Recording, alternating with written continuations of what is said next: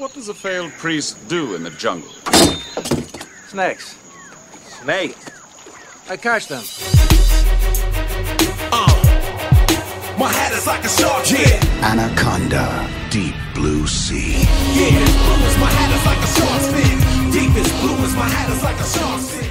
Hallo en welkom bij Julius versus Jasper, de podcast waarin wij elke keer twee films tegenover elkaar zetten en discussiëren over welke zou moeten blijven in het geval dat een van de twee van de aardbodem eh, moet verdwijnen. Eh, mijn naam is Julius Koetsier, hier is ook Jasper ten Hoor. Hallo. Hey, daar is hij.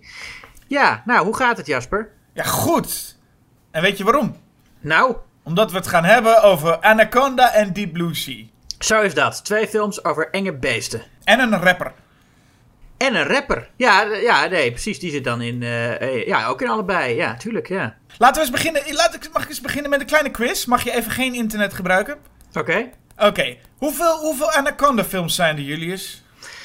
Eh, vier. Gok ik. Het zijn er vijf. Vijf. Ach. Ja, deze Anaconda meegeteld dan. Ja, nee, precies. Dat, ja. Vijf Anacondas. Anaconda, Anaconda's The Hunt for the Blood Orchid. ja, daar had ik van gehoord. Die, die titel ken ik. Anaconda 3 eh, Offspring. Dan Anaconda's Trail of Blood. Oh. En dan heb je nog Lake Placid versus Anaconda. Oh, natuurlijk. Een heel, een heel meer tegen één slang. Dat, dat voelt alsof je hier in Nederland een film hebt. A- Adder versus het IJsselmeer. Ja, nou, wie zou dat winnen? Ik wist, ik wist wel dat die bestond, Lake Placid versus Anaconda. Maar die was ik inderdaad even vergeten. ja, en dan gaan we meteen door. Deep Blue Sea, hoeveel films zijn daarvan? Dat weet ik wel. Drie. Ja, dat is een verrassing voor mezelf, vond ik. Ja, zeker omdat de twee vervolgen. eh, De ene kwam echt bijna 20 jaar na de eerste Deep Blue Sea. Toch 2018? Ja, 2018 en toen in 2020 deel 3 ineens. Ja, en Wie, dat je wie- denkt. ja, wie heeft daarom gevraagd? Geen idee, maar, en dat, maar dat hij ook Deep Blue Sea 2 heet. Terwijl Ja. je denkt toch, als je dat nu 20 jaar later doet, noem hem dan gewoon weer Deep Blue Sea zoals nu gebruikelijk is.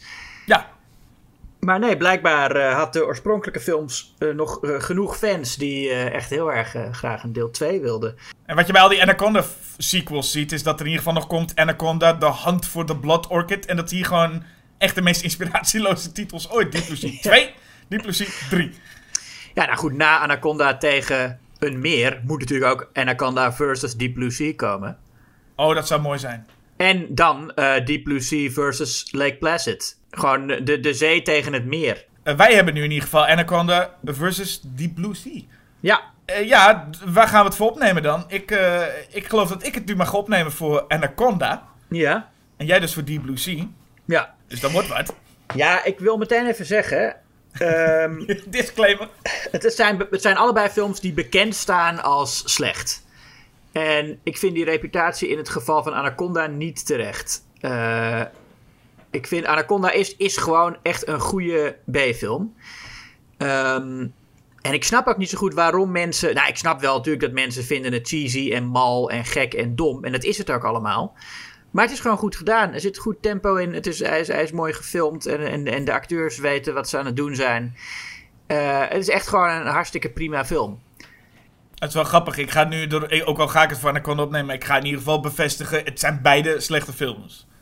Op een hele leuke manier hoor. Maar ik vind het wel, beide vind ik ze echt op hetzelfde niveau zitten wat dat betreft. Dus Nee, Eh, dat vind, vind ik dus niet. Maar oké. Dat wordt nog een leuk, leuk gesprek dan inderdaad, maar goed. Eh, laten we beginnen bij Anaconda. Was, eh, eh, die was nog net even twee jaar eerder, 1997. Ja.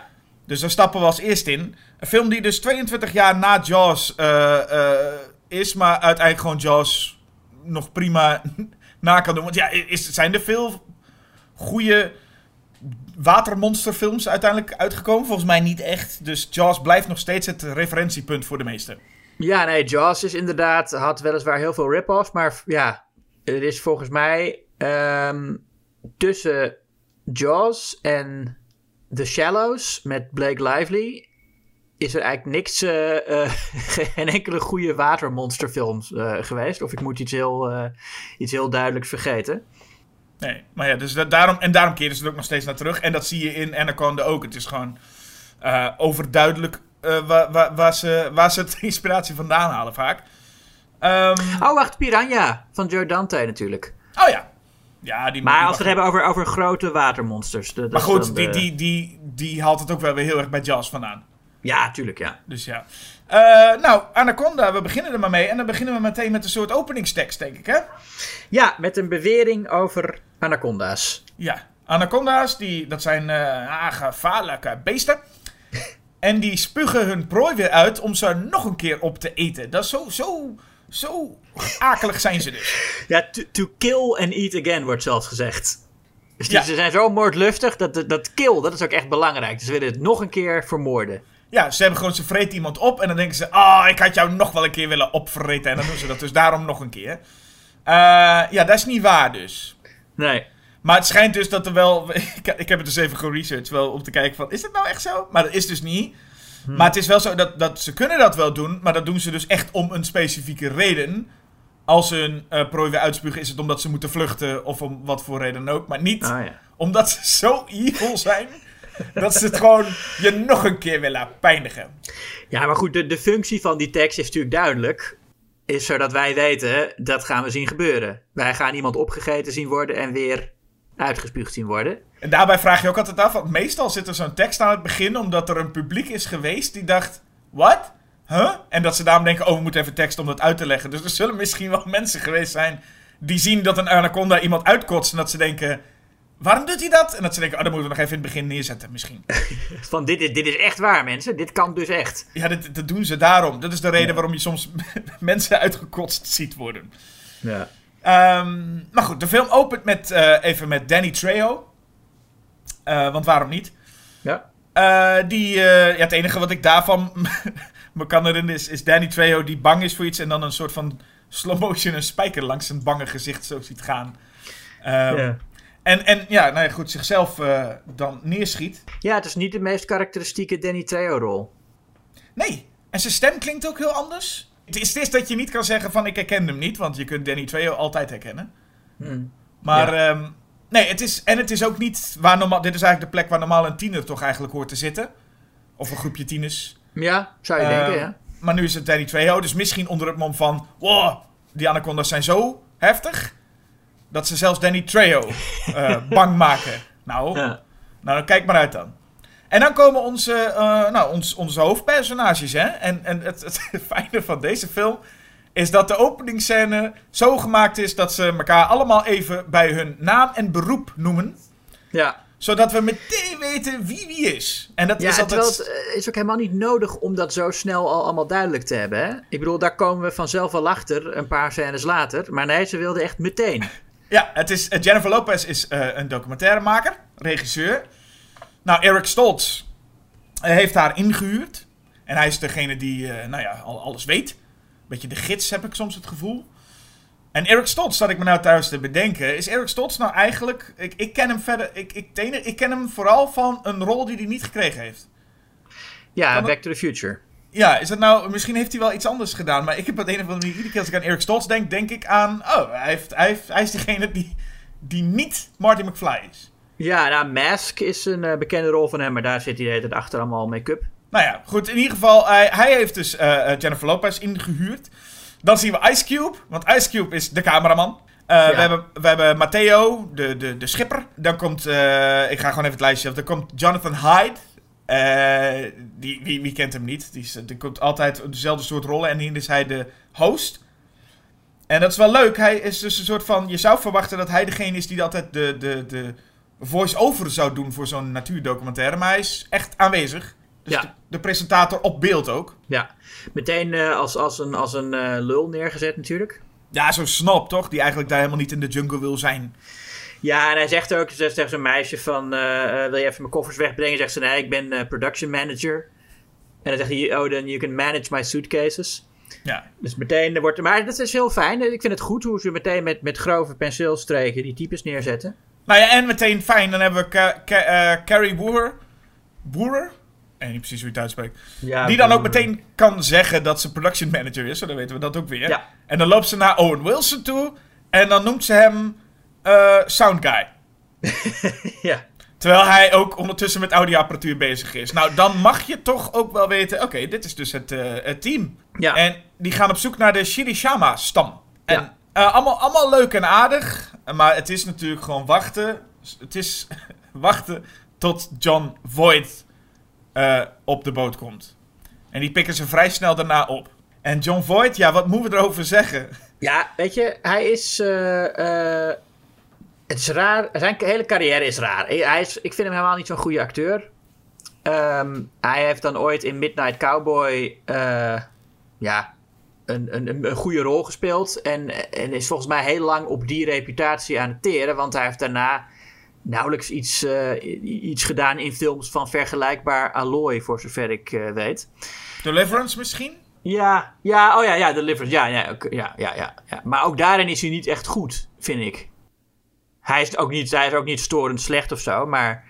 Laat ik zo zeggen, bij Deliverance kan ik me nog voorstellen dat je vergeet dat hij erin zit. Deze Ja. film vergeet je niet dat hij erin zit. Nee, en dit is, hij is volgens mij ook voor een eh Razzie genomineerd voor deze rol. Zoals die hele film allemaal Razzie-nominaties heeft gekregen. Eh, ja, eh, ik, ik, zeg altijd de fuck de Razzies. Ehm, ik, vind, nee, ik, vind, maar ik vind John Voight ook helemaal niet slecht in deze rol namelijk. Het is gewoon echt een goede ouderwetse avonturenrol, avonturenschurkrol. Nee, maar wat hij doet met dat accent, ik weet het niet. Hij, hij, hij lijkt op... Het lijkt een beetje alsof hij bij Tommy Wiseau van The Room in de leer is gegaan. Ja, hij heeft dat accent, ja. Maar nee, maar gewoon... En, en het is niet, niet alleen zijn accent. Dus één ding, ik kon niet stoppen met lachen toen... Er is een moment dat Jennifer Lopez haar haar aan het doen is. En dan kijkt ze naar John Voight. En die kijkt haar toch aan. Ja, het is een podcast, ik kan het niet... Maar hoe die haar aankijkt dan... Volgens mij is het als je John Voight Anaconda googelt, krijg je meteen al die blik. En die blik heeft hij de hele tijd in, in die film. Zo'n zo'n soort van... Ik weet niet wat het is, maar het is zo bizar geestig. Ja. Maar goed, dus ja, nee, John Voight, ik kan er niet heel veel negatiefs over zeggen, omdat het zo ongelooflijk memorabel is. Maar ik geloof best dat het ook wel memorabel is, omdat het zo ongelooflijk bizar en ook wel dom is. Ja. Zo e- hij is zo evil. Hij is zo evil. Dat, hij, dat, hij, dat je bijna af gaat vragen of hij niet ook mensen opeet en daarna weer uitspuugt omdat hij ze nog een keer wil opeten. Want het is een, een nou ja, de grote slechterik van het verhaal. eh, Die op de boot komt. En eh, nou ja, eigenlijk eh, vanaf dat moment gaat het mis, want hij heeft een plannetje.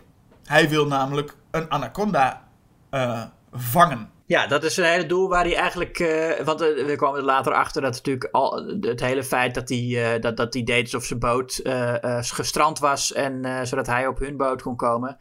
Was allemaal deel van zijn plan om op hun boot een anaconda te vangen. Ja, dat begint eigenlijk al doordat hij eerst Eric Stol- eh, Stoltz moet uitschakelen. Ja. Want die weet gewoon te veel. En dat doet hij door een soort wesp in zijn masker te stoppen. Die Ja. Eric Stoltz daarna inhaleert. En dan eh, eigenlijk gewoon de- bijna de rest van de film op bed ligt. Ja, Pulp Fiction ook trouwens, Eric Stoltz.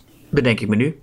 Pulp Fiction, welke rol? Eh, in het, in het hij, is, hij is die eh, in, in het huis waar Mia Wallace met haar overdosis terechtkomt. Ah, Als ze, met die, als ze die injectiespuit moeten doen, daar zit hij.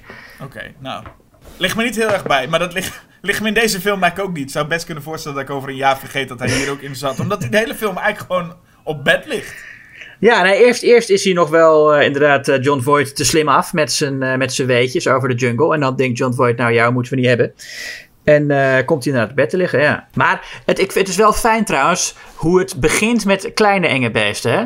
Want hiervoor zijn ook al genoemd die, hoe heet ze, An- visjes? Nee, Kandiru? Die kleine visjes die zo je, je piemel in kunnen zwemmen. Wat, en dat zijn natuurlijk wel, dat zijn wel bestaande vissen, maar dat zij in menselijke lichaamsholtes eh, eh, graag zwemmen is ook eh, nooit echt bewezen. Ehm, maar dat is een heel gaaf gegeven. Ik bedoel, dat, dat ze dat noemen, weet je wel. En, en dan ook nog die wesp die iets met je doet. En wat ik ook heel leuk vind, is hoe John Voight hem dan redt van hè, de wesp die hij dus stiekem in dat masker heeft verstopt.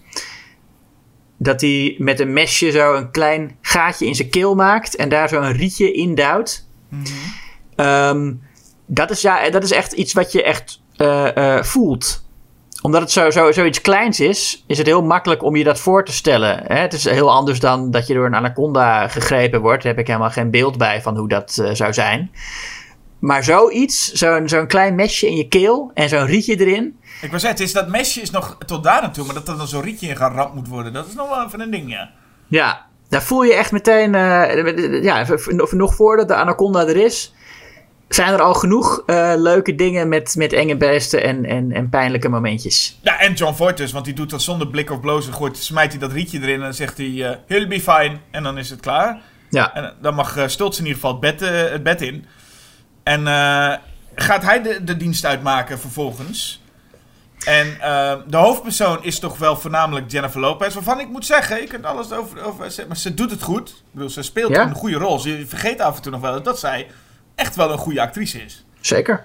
En eh, de andere muzikant, Ice Cube, deels comic relief en ook deels een van de meest normale figuren daar. Ja, een beetje de voice of reason, die ook regelmatig zegt van, oh, wat een enge beest in de jungle, eh, ik, ik ga weer terug naar L.A. Waarvan je dan denkt, ja, eh, eh, dat is de mensen die dan op, op expeditie meegaan in de Amazone, maar dan horen ze dat er enge beesten zitten. En ze zeggen, wat? Enge beesten in het oerwoud? Nee, daar heb ik geen zin Daar, in. daar heb ik geen trek in, nee. Ja. Wat ook leuk trouwens, het leukste eh, detail is dat eh, we zien, eh, of we horen Ice Cube op een gegeven moment luistert hij naar zijn eigen muziek. Oh ja, ja. Dat, dat, Ja, dan, en dan moet de presentator de hele tijd die radio uitzetten, toch? Dat is... ja. ja, ik ja. denk dat dat een beetje de, de meest, nou ja, als je het al wil hebben over personages die een beetje een, leuk, een leuke wisselwerking hebben, dan zijn het waarschijnlijk wel Ice Cube en Jonathan Hyde. Die Ja. in het begin heel erg tegenover elkaar staan en op een gegeven moment elkaar wel een beetje, nou ja, eh, wel een beetje nader tot elkaar komen. Als je al wil spreken over personages die iets doormaken, dan zijn het vooral. eh, zijn, want, want, want Jennifer Lopez doet het goed hoor. Maar een personage is natuurlijk best wel gewoon een inwisselbaar figuur. Nou ja, nee, al, al, als type is het niet echt... eh, nee, ze is gewoon de heldin. Ja, en dat is een beetje rol. Ja. Nee, ze is geen, ze is niet, ze is geen leuk typetje of zo, zoals eh, Jonathan Hyde inderdaad. En, eh, en zoals John Voight. En, en, en Owen Wilson, eh, laten we ook niet vergeten, eh, eh, Nee. Die dan al de prachtige zin heeft uitgesproken: Is it just me, or does the jungle make you really, really horny? Tegen eh Carrie Wurder. Dat is ook iets in de jaren negentig dat in, in, in, in, in dit soort films uit de jaren negentig mannen gewoon heel graag zeggen dat ze geil zijn. Het is heel, dat zie je in een aantal van die films heel typisch. En ik denk in dit geval dat het ook wel klopt. Want eh eh, Carrie Wood zegt daar nog van... Ja, laat me nou gewoon werken. Ja. En dan, dan is die scène ook afgelopen. Maar daarna eh, eh, gaan ze op een gegeven moment eh, wildjes opnemen. Gaan ze even, en dan gaan ze met z'n tweeën de jungle in. En dan zijn ze ook wel klaar om zelf ook seks te hebben. Dus zij Ja. heeft het ook wel hoor. ja, zij heeft het ook wel. Ja, ja, nee, natuurlijk, ja. En ze gaan voor de seks. Alleen worden, worden, ja, ze worden gewoon dwars gezeten door een zwijn. Een zwijn, ja. Een zwijn, ja. Ik, ik weet niet of het klopt dat die, dat die daar ook zijn. Maar ik, dat, dat- Nee, voor mij, voor mij wel. Oh, Ehm, oh ja, nog even oh, had ik ook opgeschreven over eh, Ice Cube en Jonathan Hyde. Eh, I, could cheerfully hire someone to kill you. Vond ik ook een leuke zin. Ja. Nou ja, het is, dus, het is dus zo dat zij een leuk clubje bij elkaar zijn. Eh, en, en Void eigenlijk, ja, dat je denkt Void is, is alleen. Maar we weten op een gegeven moment komen we erachter dat Matteo, de, de, de, de kapitein, eigenlijk ook bij Void in zijn team zit. En Ja. als Matteo dan als eerste personage wordt eh, vermoord, want daar moeten we op een gegeven moment natuurlijk naartoe, eh, hè, dat er ook mensen afgeslacht moeten worden. Ja, Eh, dan is Jo- John Voight zijn, zijn maatje kwijt en dan weet hij Owen Wilson aan zijn team te krijgen. ja. En dat is zo, zo hij zegt ook ineens, als hij, hij kent hen niet eens, ja. maar dan zegt hij ineens ook echt specifiek tegen Owen Wilson, zijn personage heet Gary, zegt hij ook, ja, dat levert miljoenen op Gary, het levert miljoenen op.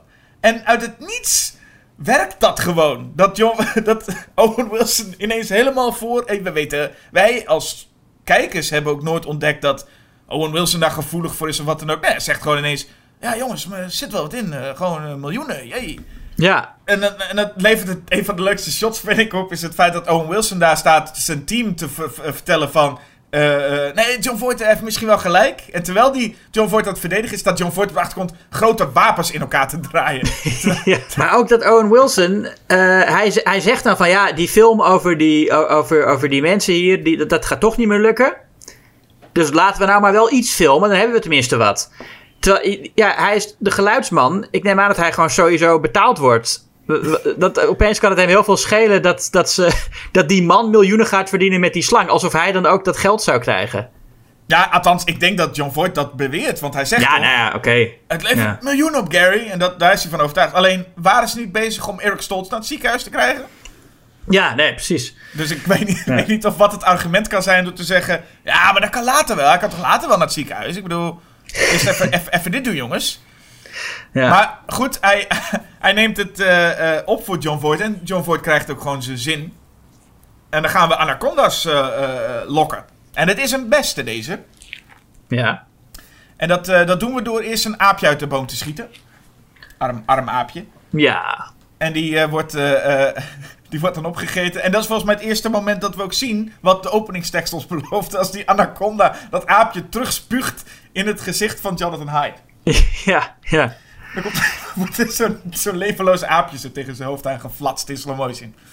Ja, maar dan vreet hij hem niet eens nog een keer op. Nee, maar dat doet hij dus volgens mij nooit. We zien Nee. nooit dat hij het nog een keer opvreet. Dus het is meer dat hij dat doet en daarna moet hij weer op zoek naar het aapje waarschijnlijk. Van waar is hij nou?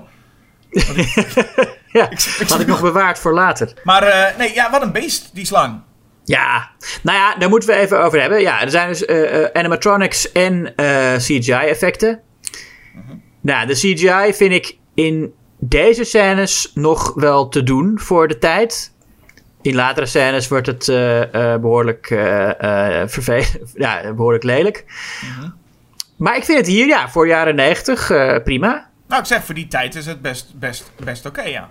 Ook omdat ze toen nog wisten, in in elk geval in deze scène, nog wel wisten hoe je zoiets in beeld brengt. Dat als je computereffecten niet al te veel detail kunnen toevoegen en zo, dat je dan ook niet te veel daarop moet inzetten. Zoals nu denkt iedereen dat, eh, dat met CGI alles kan. En wordt het allemaal helemaal vol eh, duidelijk hard in beeld gebracht. En vallen, valt het gewoon veel meer op ehm, dat het er niet zo goed uitziet. Het is die geestige verschuiving eigenlijk ook van dat CGI in het begin jaren 90 heel duur was. Ja. En dat er dus een film als The Terminator 2 en, en Jurassic Park er echt heel erg nagedacht moest worden over hoe gaan we het toepassen. Ja. En toen werd het voor de B-films werd het eind jaren 90 wat goedkoper. Dus werd het, gingen die het ook toepassen. En het grappige is, en ik heb de vervolgen niet gezien, maar ik ga ervan uit dat er goedkopere eh, vervolgfilms van een Anaconda, of ook een Deep Blue Sea, is waarschijnlijk helemaal geen gebruik meer gemaakt van practicals. Dus is het gewoon alles wat de slang betreft CGI. ja, dat kan ik me ook voorstellen. En daar ga je het echt wel voelen, want juist die wisselwerking van dat het af en toe ook gewoon een pop is, eh, maakt het ook veel beter. Ja, die animatronic ziet er ook goed uit. Ja, dat gaat heel, heel prima inderdaad, ja. Ja, het is niet per, er, zit er ook, er zit er ook wel eens een echte slang in. En je ziet nog wel het verschil tussen de echte slang en de animatronic. Maar het is wel, de animatronic is gewoon fijn, weet je. Eh, Hij ziet er niet heel realistisch uit, maar het is wel gewoon een gave pop. En je gelooft dat hij eh, daar is en beweegt en dat hij een bedreiging vormt voor die mensen. Ja, en wat betreft biologie zou ik gewoon deze film nooit serieus nemen. Zo denk ik ook niet dat een slang het geluid maakt van een Nazgul. Nee, deze slang is echt constant aan het schreeuwen. Ja, het, het schijnt ook, ik weet niet of het klopt, maar dat Frank Welker, de stemacteur, dus de stem van de Anaconda doet. Oh ja. Ja, nee, Frank Welker, dat, die, die, doet, die doet gewoon alle stemmen van dieren. Hè? Dat is zijn specialiteit. Eh, hij, doet, hij doet de Gremlins en hij doet eh, ja, oh, het aapje in, eh, in Indiana Jones en The Temple of Doom. Of nee, Ja. eh, Ra- Raiders of the Lost Ark. En maar dan Is moet je je toch voorstellen dat hij, dat hij dan een keertje krijgt of hij ook een slang wil doen. En dat hij denkt, maar die, maar die maakt toch... maar die, die, die zegt toch helemaal niks? Ja, Maar goed, zoals we in eh, Jaws the Revenge ook al een keer besproken hebben, is dat die haai gromt. Dat heb je een beetje met die water die, die geen geluid maken. Dat is natuurlijk niet de bedoeling. Nee, nee. Maar goed, dus ja, nou, hij gaat verder vreten. Hè? En dan is het eigenlijk toch een beetje een- zo'n lekkere soort slasher. Maar het is in ieder geval één voor één. eh, worden ze opge, opgevroten. Dat zeg je altijd zo lekker, opgefroten. Ja, Ja, maar Ja, gaat Owen hier ook Wilson. echt lekker, hè? Vooral als Owen Wilson. ja dat is zo'n mooi shot dat, je dan, dat hij onder water en dat je het gezicht van Owen Wilson in die buik van die slang ziet. dat, is zo, dat is zo geestig. Omdat je, ook, omdat het, ook omdat het Owen Wilson is. Ja, ja. Dat gewoon dat type, dat die er juist zo, zo met dat, je ziet gewoon een soort gezichtsuitdrukking waarvan je voelt van, ja, dat is Owen Wilson die nog steeds een soort van verbaasd om zich heen aan het kijken is van, wauw, dat voel je als hij daar voorbij zwemt, ja. Ja, dat is prachtig. Ik, ik, nou, ik, vind, ik vind het gewoon echt goed. Ik blijf het maar zeggen. Nou ja, nee, omdat mensen denken dan Dat is misschien dat ik die goed. film... Wat? Dat is niet echt goed. Jawel. Die slang die voorbij komt en die ziet, ja, Owen Wilson, is niet echt goed. Kijk, de CGI zou beter kunnen zijn. Maar dat je het gezicht van Owen Wilson in de buik van de slang ziet... Ja, dat is heel Dat is gewoon goed. Ja, Oké, het is gewoon goed. Ik zeg Ja. het erbij omdat mensen anders misschien zich zouden kunnen vergissen... en denken dat ik de film eh, belachelijk maak. Maar nee, Nou ja. ik bedoel, die, de, de filmmakers weten toch wel dat dat niet realistisch is. Die weten toch gewoon waar ze mee bezig zijn. Het is gewoon een leuke monsterfilm. Nou, dat, en dat vraag ik me dus wel een beetje af. Want de, de knipoog. En dan hebben we het niet over de letterlijke knipoog die in deze film nog voorbij komt. maar de, de knipoog zit er wel in soms. Maar heel vaak ook niet. Nee, maar dat ik- is, dat, dat is juist het fijne. Het, kijk, het, je hebt eh, nou ja, een overdreven voorbeeld is Sharknado. Dat is het Ja. heel duidelijk niet. Het is een film die wel zichzelf serieus neemt, maar ook weet dat die gewoon een, een, een B-film is. Nou, noem, noem, laten we dan het voorbeeld noemen Piranha. Die je, die je laatst al aanhaalde. Dus die eh, Ja. Pir- Piranha, die, die heeft het wel heel duidelijk. Die is in alles Ja, eh, heel duidelijk van... Wij zijn, op de, wij zijn ons bewust van wat we aan het doen zijn. ja het zou maar- mij niks verbazen. Ik weet niet of het zo is, maar het zou mij niks verbazen als de regisseur, Luis Loza, als ik het goed uitspreek. Ehm, als deze regisseur zou zeggen: Ja, hij wilde gewoon echt een enge film maken. Ik heb, ik, dat kan ik mij dus voorstellen, dat die, dat, dat, dat, zo voelt de film een beetje opgezet. Nou, dat ik denk ik ook wel. Kijk, hij, kijk, Piranha is gewoon een heel humoristische film. Die ook een beetje het genre belachelijk maakt. En dat gebeurt hier heel duidelijk niet. Het Anaconda is geen film die zichzelf belachelijk maakt. Of het genre.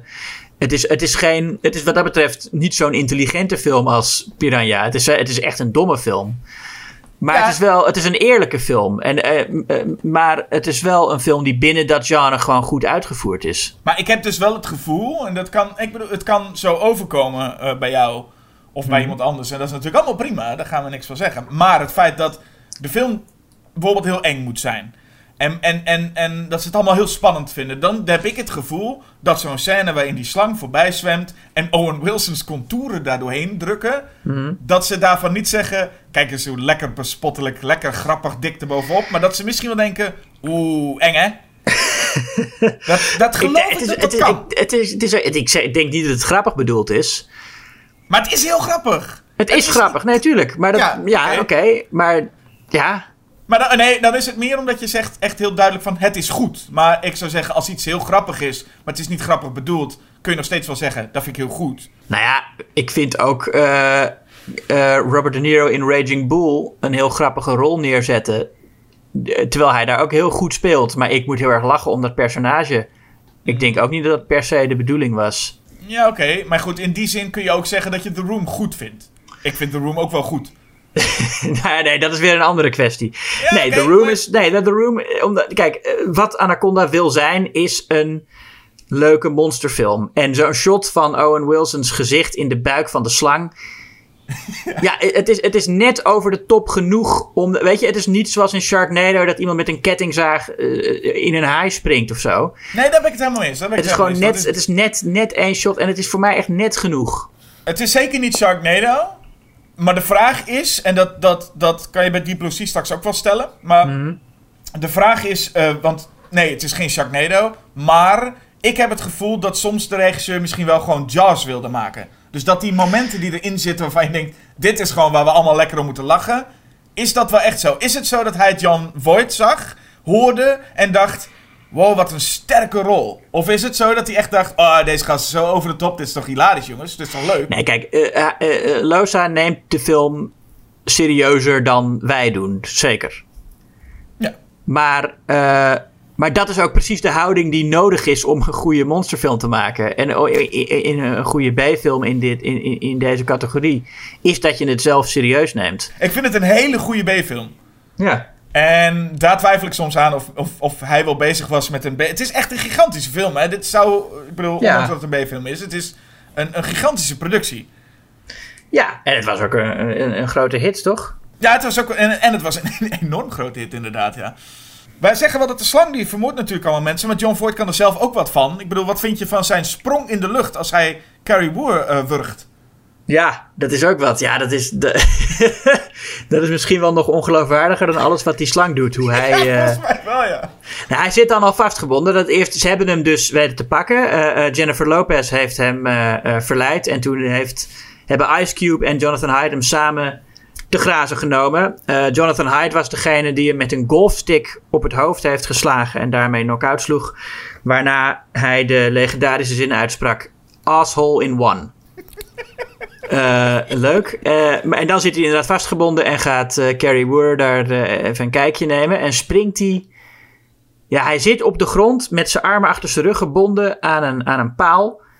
En dan zet hij zich af en dan springt hij zo helemaal in de lucht. En doet hij zijn armen om haar, om haar nek. Of Zijn zijn zijn benen. armen, zijn benen. Ja. En hij wurgt, en met zijn bovenbenen wurgt hij haar. Ja. Ja, ook, dat- ook een anaconda. Hij is de echte slang. De echte anaconda. Hij is echt anaconda uit de titel, ja. Ja. Ja, en, eh, maar dat komt ook omdat hij later er ook zelfs een beetje als een anaconda uit gaat zien. Ja. Hij staat ook niet goed vastgebonden trouwens hoor. Even. Nee, nee. Dat, dat hadden ze ook wel iets beter kunnen doen. En dan gaat eh, eh, eh, Jonathan Hyde nog dood in een waterval. Ja, dat is wel het, het, het, eh, diep, dieptepunt qua CGI. Hoe die daar hangt aan die slang. Hoewel het, het dieptepunt van effecten komt nog. Eh, als ze eh, eenmaal daar klaar zijn bij die waterval en ze gaan weer terug. Ik weet zo gaaf niet wat je bedoelt. Nou, ze zijn op die boot en die boot zit helemaal vast. Maar doordat er eh, de, de, doordat iets met die slang en Jonathan Hyde gebeurde, kunnen ze eindelijk weer los en gaan ze ook weer weg. Ja. En toen, ze, ze, ze hebben dus geen shots van dat ze weer weggingen. Dus ze Oh. hebben gewoon het shot gebruikt dat ze aankwamen. En die hebben ze teruggespoeld. Waardoor je heel kort even ziet dat die boot terugrijdt en dat die waterval omhoog gaat. Oh, dat is me niet eens opgevallen. Oh, dat, nou ja, als je het ziet, het is echt heel geestig. Dat je ineens een shot ziet, dat je, het zit er ook maar heel kort, dat is ook heel onnodig. Maar ineens zie je een shot van mij en denkt, waarom gaat die waterval omhoog? Oh, wat Dat goed. is, dat is raar. En Ja. ik kan ze die CGI ook nog wel een beetje vergeven.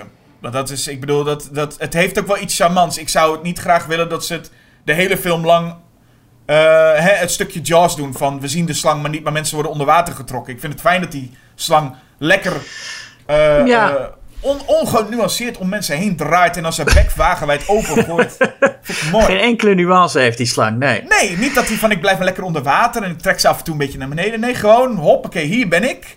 Ja, Nog zo'n lekkere gil eruit gooien en ronddraaien maar. ja heel aanwezig is hij. Heel aanwezig monster. Nou, maar het, het duurt wel even een tijdje. Er is enige opbouw naar wanneer hij voor het eerst verschijnt. En eerst krijgen we kleinere beestjes die het gevaar vormen.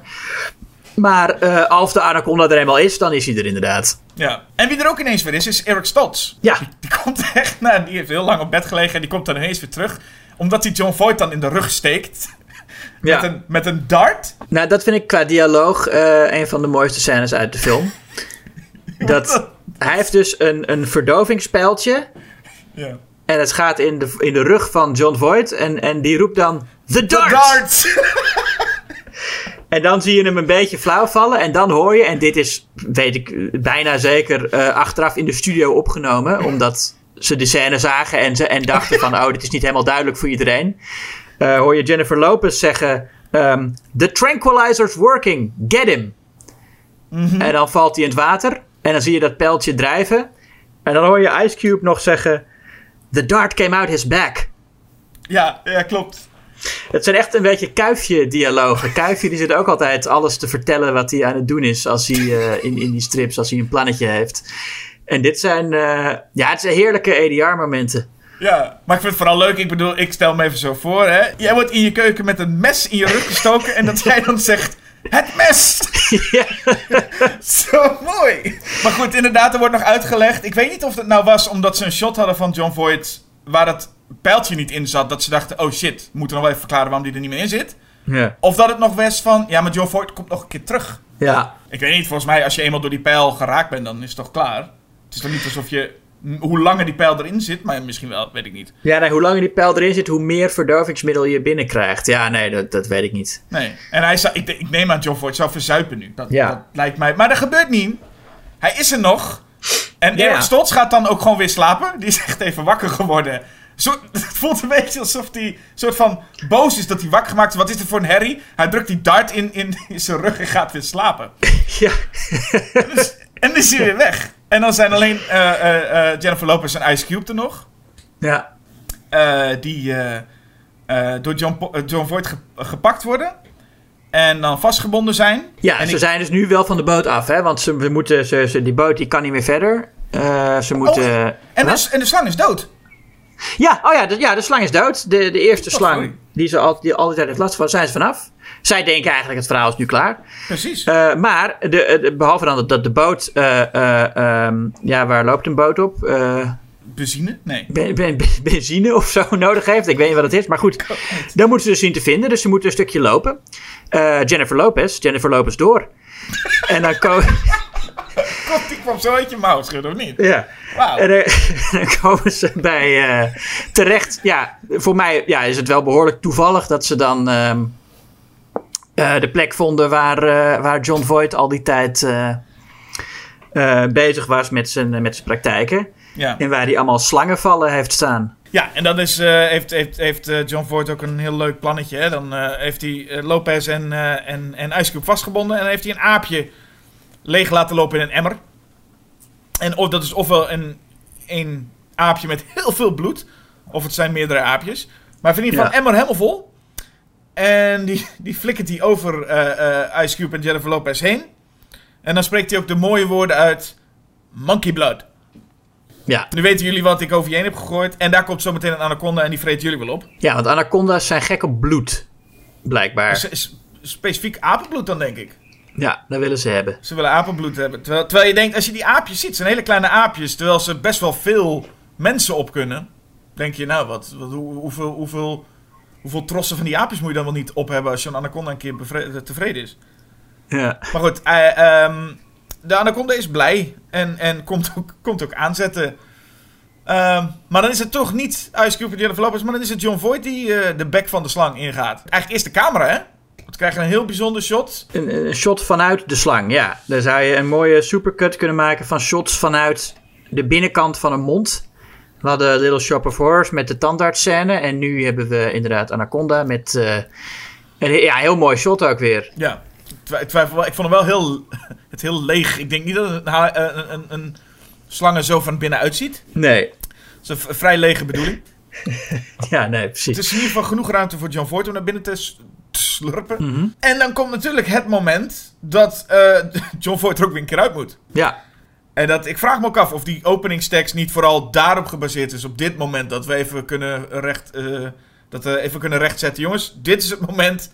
Hier komt John Voight nog een keer terug. ja, tuurlijk. Ja, tuurlijk. Een John Voight die dus een knipoog geeft aan de, aan de, aan de kijker. Of eigenlijk aan Jennifer Lopez. Ja.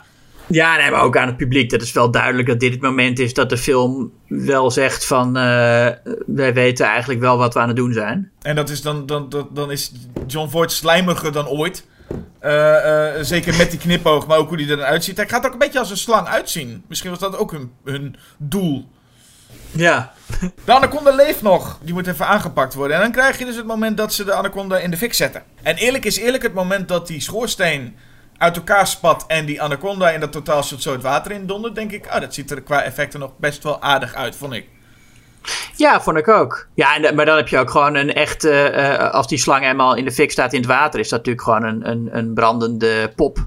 Ja, voor de close-up sowieso. Ik vroeg mij af hoe ze dat voor de totaalshot deden, maar eh, nee, voor die, voor die, voor die close-ups daarna heb je inderdaad, ja, het is een mooi beeld. Het is, het is niet heel slim van Anaconda zelf, maar eh, eh, het is wel een mooi beeld van zo'n brandend beest. Ja, niet slim dat hij niet eh, lekker onder water gaat, bedoel je? Even, Ja. even kopje onder en ga dan verder met, met, met je aanval. Ja, daar heeft hij totaal geen oog voor. Hij wil alleen maar Lopez eten. Hij wil alleen maar Lopez en Ice Cube eten. Ja. Inderdaad.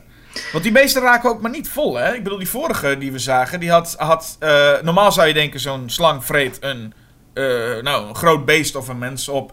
En dan ben je... Nou, dan is hij echt wel weken zoet. Een paar dagen sowieso, ja. Ja, maar hier is... is eh, eh, ik bedoel, de, de, de een na de ander gaat. Matteo is binnen. Dan komt eh, Owen Wilson erachteraan. En dan heeft hij ook nog ruimte voor Jonathan Hyde. Ja, het wordt druk in die slang. Ja, Nou, zeker als, zeker als ze er zoals we bij O- Owen Wilson zagen, nog in zijn geheel er helemaal in liggen. Ja. Dat is een soort filevorm. Ik denk dat die slang anders straks twee voeten eruit had, uit zijn bek had steken. Ik denk van, ja, dit moet nog even verteren, jongens. ja. Maar deze slang heeft nog niks gegeten, want ja, John Voight ligt ergens, is ook niet voor een tweede keer nog opgegeten. Dus die ligt daar nog ergens te vergaan. ja. Of was het nog wel een leuk shot geweest? Er zitten natuurlijk allemaal babyslangetjes daarin. Dat, dat al die kleine babyslangetjes aan John Voight vastzitten. Maar goed, eh, en dan komt, ja, Ice Cube. Het is ook niet Jennifer Lopez die de laatste, dat viel me ook op. Niet Jennifer Lopez die de laatste klap uitdeelt. Hè, zo van, ik ben de held van het verhaal. Hier is mijn la Het is toch, het is Ice Cube uiteindelijk. Ja, ja klopt. Ja. En dan verwacht je, heb ik in ieder geval, Ice Cube slaat met een bijl in de kop van de, eh, van de slang. Dan verwacht je een fantastische one-liner. een soort van iets waarvan je denkt van... Zo, daar sluit hij even mee af. En dan zegt Ice Cube... Bitch. Ja. En echt geen woord meer.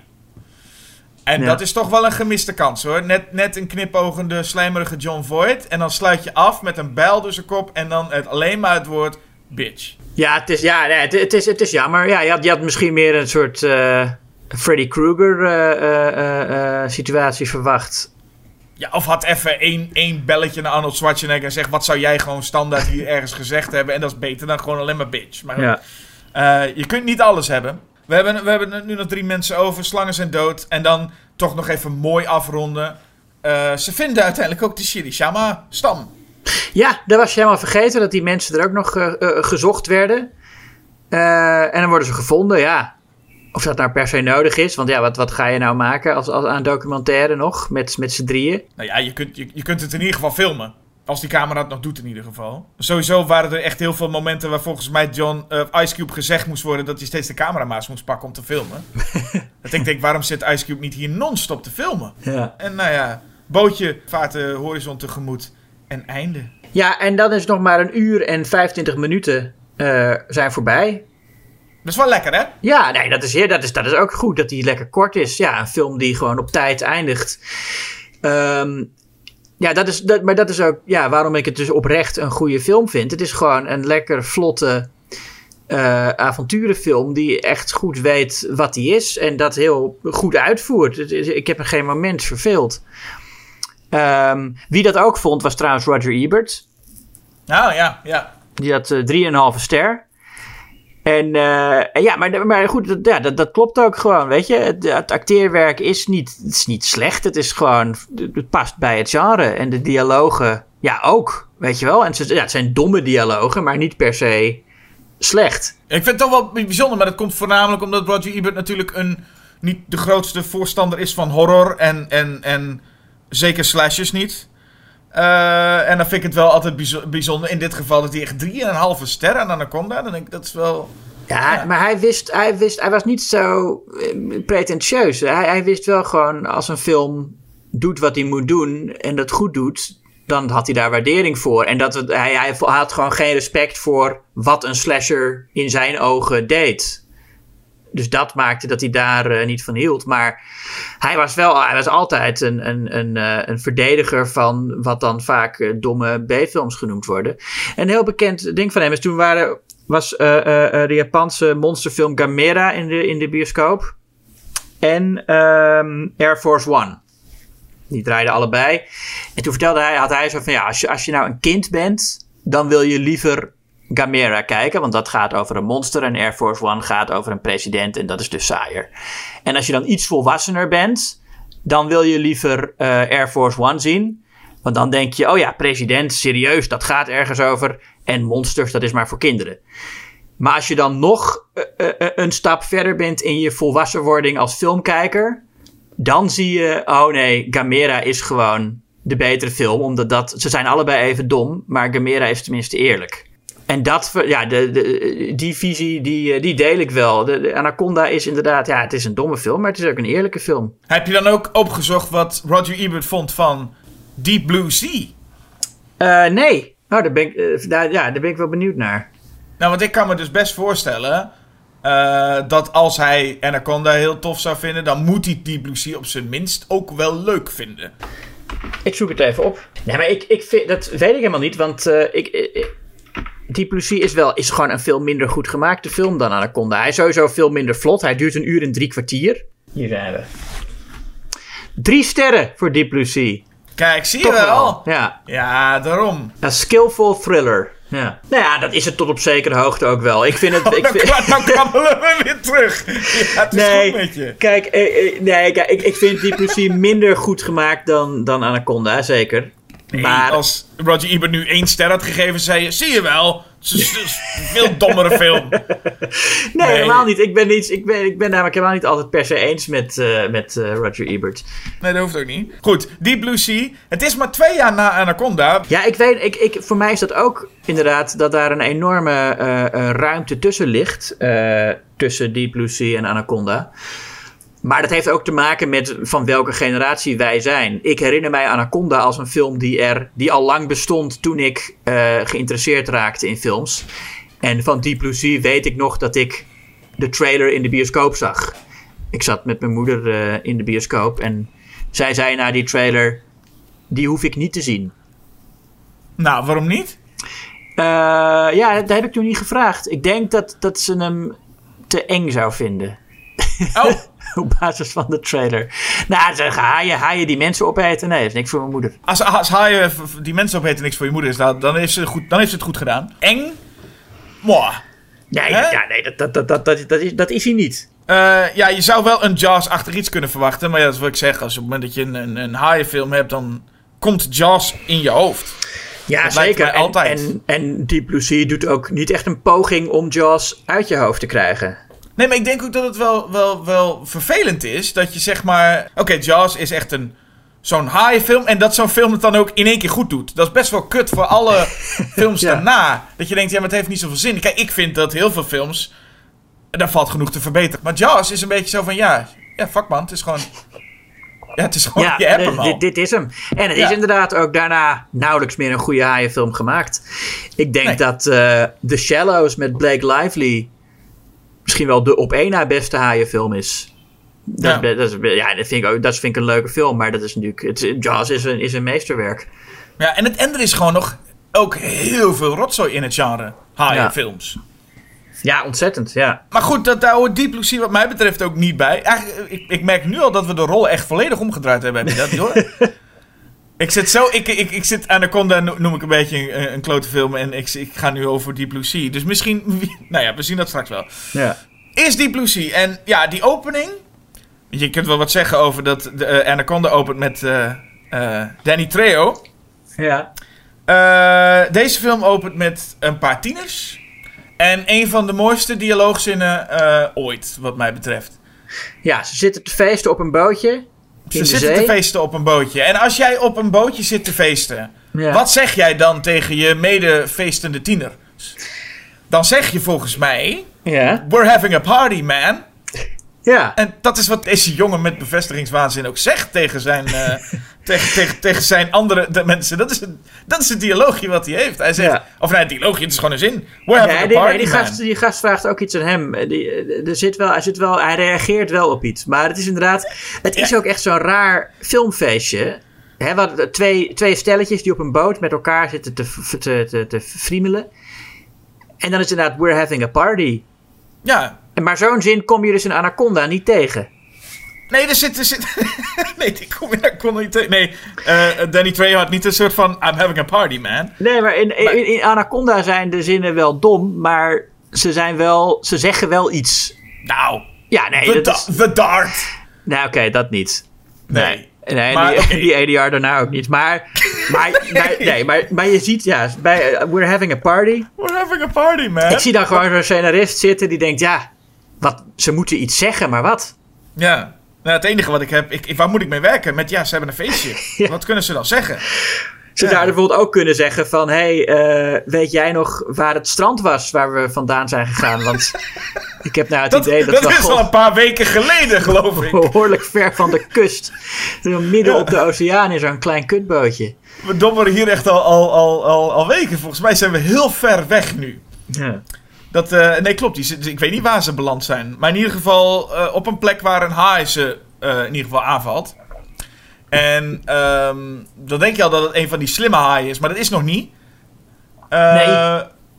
Want dan zouden ze in één keer geweest zijn. Die zou in één keer hapslik wegboot. Maar deze haai is... nou, en dan valt ook al wel op dat de effecten hier nog best oké zijn. Je zou verwachten allemaal hele lelijke CGI. Ik bedoel, dit was de... eh, nou, rond, het, eh, rond de tijd van eh, The Mummy Returns, weet je wel. Dat je denkt, oeh, dat kan CGI dus zijn. Ja. Ehm, maar, maar, de- maar hier is er toch nog wel ook gebruik gemaakt van practical. En, en ja, dan valt het allemaal best nog wel mee. Die haai die ik hier als in de eerste shots zie. ja, zeker. Ja. En aan die shots, of aan die haai hangt, een, hangt een Thomas Jane. Onze grote held, zou je dan zeggen. Die redt deze tieners. Ja. Ehm, en van deze held gaan we door naar een volgend personage, Saffron Burrows. En zij is een beetje de aanstichter, denk ik, hè? Van, eh, van dit alles. Waarom, nou ja, Ja, zij is een heel raar personage. Want normaal gesproken heb je in dit soort films. Je hebt dan de held. eh, de, de- en je hebt nou ja, de, de wetenschapper die met het DNA van een bepaald beest heeft lopen knoeien. Waardoor dat beest eh, levensgevaarlijk wordt.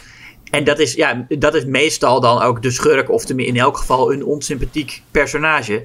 Maar hier is dat allebei Saffron Burrows. Zij is zowel, eh, moet ze een beetje de, de protagonist zijn, als eh, degene die eigenlijk eh, eh, eh, een of ander verdrag heeft gebroken door met het DNA van die haaien te klooien. Ja, en ze is hier op dit moment op bezoek bij de grote baas. Hè? Ja. En, en, en eh, die grote baas eh, wordt gespeeld door nou ja, een, een memorabele rol van eh, niemand minder dan Ronnie Cox. Ja, Dat is echt een, een nou, ik denk wel een, een kroon op, op het werk van, van- op eh, het oeuvre van deze man hoor. Ik bedoel, kom je dan van Robocop, hartstikke leuk en aardig die rol. Maar wat je hier dan mag doen, ja.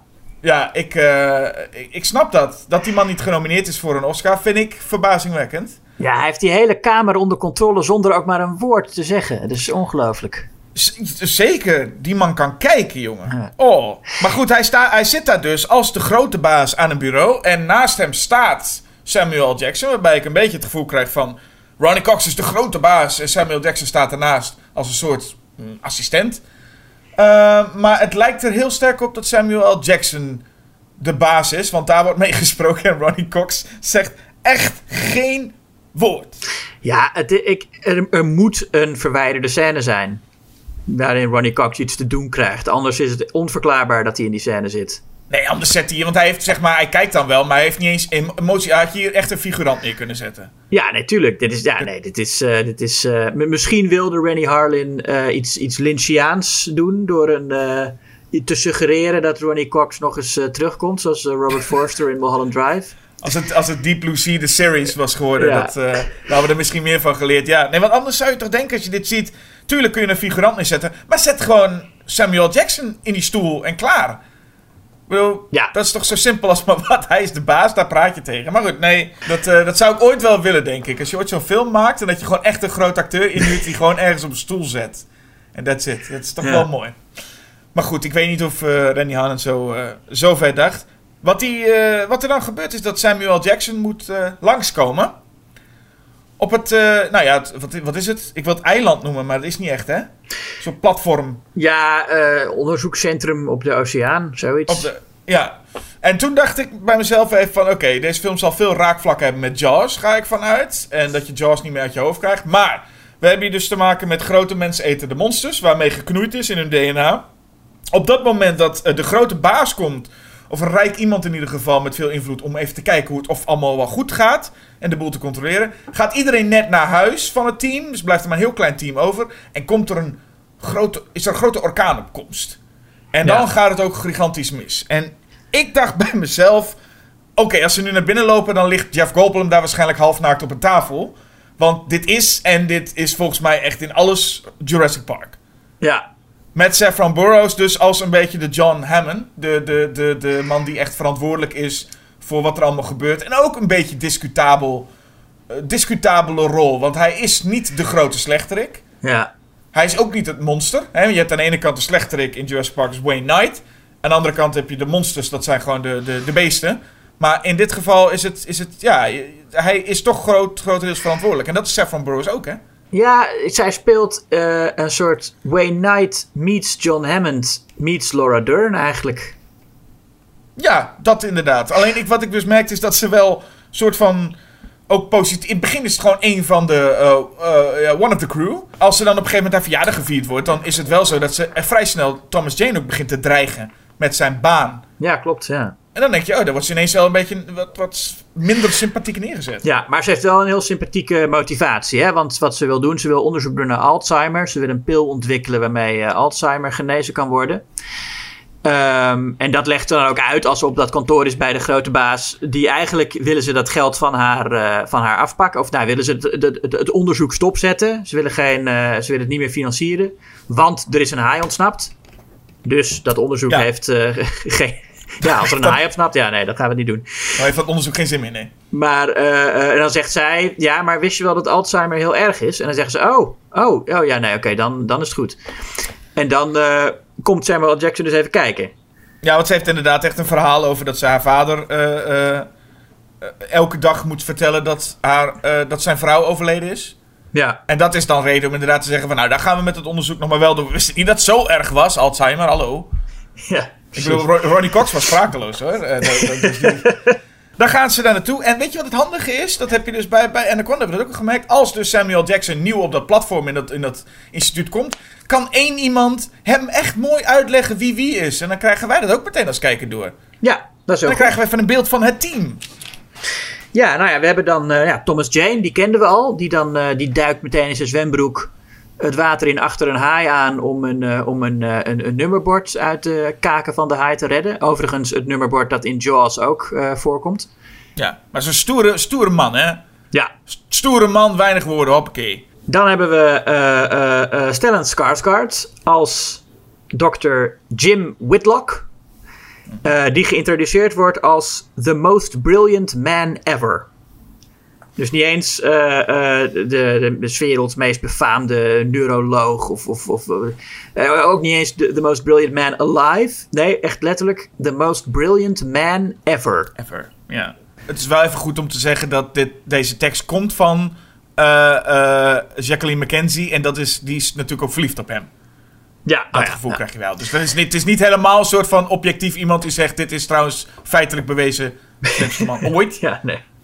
Maar eh, ja, Ja, en, eh, en hij staat dan ook te pissen terwijl ze dat zegt. En dan zegt Samuel L. Jackson, oh, maar hij, hij staat tegen de wind in te pissen, dus zo slim is hij niet. nee, het is sowieso wel... Hij staat ook op een hoogte, wat sowieso Ja. niet echt heel handig is. Dus ik, ik, ik, er, zit, er valt iets voor te zeggen. Ja, maar dit, dit is dus wel een film, dat zie je daar al, die ehm, een beetje meer geeft om, zeg maar, om, om common sense dan de wetenschap. Dus eigenlijk alles wat met wetenschap te maken heeft, eh, je bent eigenlijk niet zo slim. Wordt over, wordt over eh, eh, Saffron Burrows ook heel vaak gezegd. Hè? Van, ja, je hebt, op een gegeven moment zegt ze, dat is al veel verder in de film, dan zegt ze, we moeten gewoon nu even die haai doodmaken. En dan zegt iemand van, ah, that's the first really smart thing you've said. Dus de film Nee. is echt heel erg van al die wetenschappers die denken dat ze slim zijn. Maar eigenlijk weten heel veel andere mensen het beter. Zoals bijvoorbeeld de kok. Hè, die, eh, eh, eh, die weet waar het echt om draait. namelijk om, om God. Om geloof. Ja, precies. En die andere mensen zitten maar met hun feitjes en cijfers en allemaal dat soort dingen. En ja, nee, daar gaat het natuurlijk allemaal niet om, hè. Ja, want die Stellan Skarsgård, het, is de, ja, het moet een soort excentrieke wetenschapper zijn.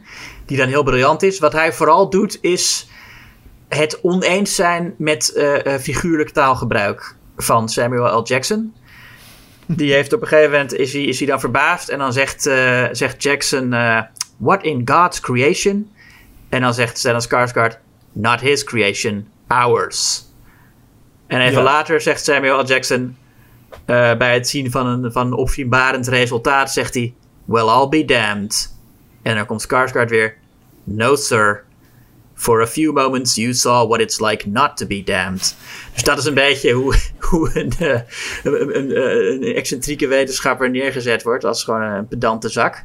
Ja, je hebt ook het gevoel dat Stellan Skarsgård de hele tijd achter Samuel L. Jackson aanloopt. Van, kan ik je nog betrappen op zijn opmerking? Want ik kop terug, hoor. Ik kop hem in. Ja, precies. En, en, en natuurlijk helemaal geen respect voor God. En, en, en, en, en eh, weet je, God willen spelen. En nou ja, allemaal de, de- echt alle clichés over de eh, arrogante wetenschapper die in dit soort science fiction gestraft moet worden. Maar het is ook helemaal niet alsof Samuel L. Jackson een gelovig iemand is of zo. Dus die, die, Nee. die, die, die uitspraak van What in God's creation, wat ook een beetje een geforceerde uitspraak is, geloof ik. Maar eh, eh, nee, die, ja, ik weet niet wat Stellan Skarsgård daarmee... Die wil gewoon volgens mij lekkere one-liners inkoppen steeds Ja. bij iedereen. Ja. Ehm, en dan wel het wel geestig dat hij dat vooral bij eh, Samuel L. Jackson doet. Ehm, dus die zal ook wel blij geweest zijn dat Stellan Skarsgård als een van de eerste gewoon pleit is. Dat hij denkt, nou kan ik eindelijk weer eens... eh, hoef ik niet meer op te letten wat ik zeg steeds. Ja, want ze hebben dus inderdaad, nou, ze hebben dat onderzoek gedaan eh, voor die pillen. Ze hebben dan een, een haai en ze hebben iets met de hersenen van die haai gedaan. Nou, moeten En we de rest van het team eigenlijk nog afgaan? Of is dat helemaal niet meer? Want we hebben nu de belangrijkste wel gehad, denk ik. Nou, nee. nou, ja, la- ja, nog even wel Michael Rappaport natuurlijk. Een Oh ja, leuke acteur. Eh, dat, hij speelt eigenlijk altijd een minder overdreven New Yorkse versie van zichzelf. Soms zie je hem in een film en dan denk je, nou, dat is wel echt eh, een beetje een, een karikatuur van een New Yorker wat je nou doet. Maar dan zie je hem in een interview en dan merk je, oh nee, je, je hield je best in. Ja, dat is eigenlijk zijn rol van, zijn, zijn visie van acteren. Is eigenlijk jezelf spelen, maar dan wel even iets minder doen. Ja, iets minder, Ja. iets minder vet aangedikt. Ja. Ehm, en eh, ja, jij noemde al eh, Jacqueline, McKenzie, McKin- Jacqueline McKenzie. Ja, En de kok, Preacher, LL Cool J. is een papegaai, is een papegaai. Ja, is papegaai. Ja, en dat is toch eh, degene die eh, uiteindelijk de- zich ontpopt tot de held van de film. Hè? Er zijn in de jaren 90 twee horrorfilms waarin LL Cool J geïntroduceerd wordt als iemand waarvan je denkt: dit is de comic relief. En eh, die overleeft de film niet. En waarin dat oorspronkelijk ook de bedoeling was dat hij de film niet zou overleven, maar waarin later is besloten dat hij toch een van de overlevenden is. Eh, deze film en Halloween Age 20 hebben allebei die rol voor LL Cool J. Ja. En allebei zijn ze ook best wel heel erg Scream op sommige momenten. Ja, En ik denk dat, dat eh, deze film daar ook inspiratie vandaan heeft gehaald. En de grootste inspiratiebron wat je, wat je uit Scream kan zien... is natuurlijk het moment dat Samuel L. Jackson... die ook wel neergezet wordt als de, eh, de held... maar op zijn minst in ieder geval de grootste naam in de cast... en hem dan juist eh, eh, laten sterven... en dan op een vrij onverwacht moment... Dat, is ook, dat deed me ook wel heel erg aan Scream denken. Dat is heel erg duidelijk laten zien van... kijk eens jongens. En ik heb dus sterk het idee... er is een soort een, een, een gerucht... dat ze wilden oorspronkelijk Richard Dreyfuss juist in deze film hebben... Oh, En dat lijkt me ook nog wel een extra iets van dat je dan weet van ja, maar dan, ik bedoel, als, als hij Jaws heeft overleefd, dan zal hij dit ook wel Ja, overleven. precies, zoiets. ja. Maar eh, dat is volgens mij echt heel erg Scream ook hoor. Van, van grootste naam. En dan gaan we jullie eens even laten zien dat eh, niks te voorspellen is hier. ja, en net op het moment dat hij bezig was het team bij elkaar te brengen. Hè, want het is, eh, op, op dat moment dan is, dan is de boel al behoorlijk eh, eh, eh, losgegaan. En dan heeft iedereen ruzie met elkaar. En dan komt Samuel L. Jackson net even vertellen van... jongens, we moeten bij elkaar blijven, we moeten, we moeten samenwerken. En dan denk je van, oh nou, dat is wel goed. En dan En dan hap. springt er een haai tevoorschijn die hem verslindt. Want ja, die haaien moeten toch even terug. Maar ik wil Nou, toch hoe één ding. nou er is één ding. Er is één ding. Is één ding. Ja? Kijk, Ja, ik, vind, ja. ik, vind, ik vind het een goede scène hoor. En het is ook een van de bekendste scènes. Het feit dat Samuel Jackson tijdens zijn speech wordt gegrepen. Eh, ik vind wel, er is een, eh, hij heeft een lawineverhaal. En daar wordt in de hele film al een paar keer naar gerefereerd. Van, oh, ben jij dat van dat mysterieuze verhaal van die lawine? En dan zegt hij dat, ja, Ja. dat ben ik, dat ben ik. En dan de hele tijd zegt hij nou niet wat het is. Ik had het leuk gevonden als hij midden dat hij net wilde gaan vertellen wat er in die, bij de lawine gebeurd is. En dat dan die hem gegrepen had. Dat- maar nu, dat had ik nog wel leuker gevonden. Dat we nooit krijgen te weten. Maar in dit geval krijgen we wel te weten wat, die, eh, ja, wat daar ooit zich afgespeeld heeft. Ja, het is een raar verhaal, vind ik. Hij, zegt hij beweert ook dat eh, ijs sneller is dan water. Hij zegt, als je denkt dat water snel beweegt, nou, dan ken je ijs nog niet. Wat, ja, wat denk je dan van ijs? Nou, ja, En dan, dan moeten mensen ook denken van, ja, waarschijnlijk is dat niet zo snel. nee. Ze zeggen dan vaak bij dat soort verhalen van dat ze dan anderen hebben opgegeten. Maar hier voelt het een beetje alsof ze ja, twee mensen hebben afgemaakt die ze, die ze irritant vonden. Ja, dat was gewoon ruzie. Het is gewoon ruzie en dan hebben ze twee mensen, ja, waren Ja. dood. En toen zei hij van, eh, seven, seven are survived, only five came back, zoiets. Maar Ja. goed. Dat was dan het verhaal. Toen dacht ik, nou, daar mag die haai best wel tussendoor komen. Hoor. Dat is niet zo'n heel goed verhaal. Ehm, maar goed, die haai komt iets later. Maar ja, die haaien, ja. Hebben het eh, Ja, over. nou, hoe komen die zo slim? Nou ja, dat is met. eh, er wordt dus een Alzheimer-medicijn eh, proberen ze te maken. En dan, ja, ik weet niet. Het, wordt, niet, het wordt gewoon niet uitgelegd, natuurlijk. Eh, het is allemaal vage eh, eh, eh, wetenschappelijke termen. Ze hebben het over. The neurons are, are, are becoming hyperosmotic osmotic and, and membrane integrity is improving. They're firing. They're firing. Ik heb wel bewondering op zich voor hoe overtuigd zo'n Saffron Burrows al die onzin uit haar mond krijgt. Maar het is dan nog niet eens de reden dat, dat ze haaien slimmer zijn geworden. Het feit dat haaien slimmer zijn geworden is dus omdat ze die hersenen van de haaien heeft moeten vergroten.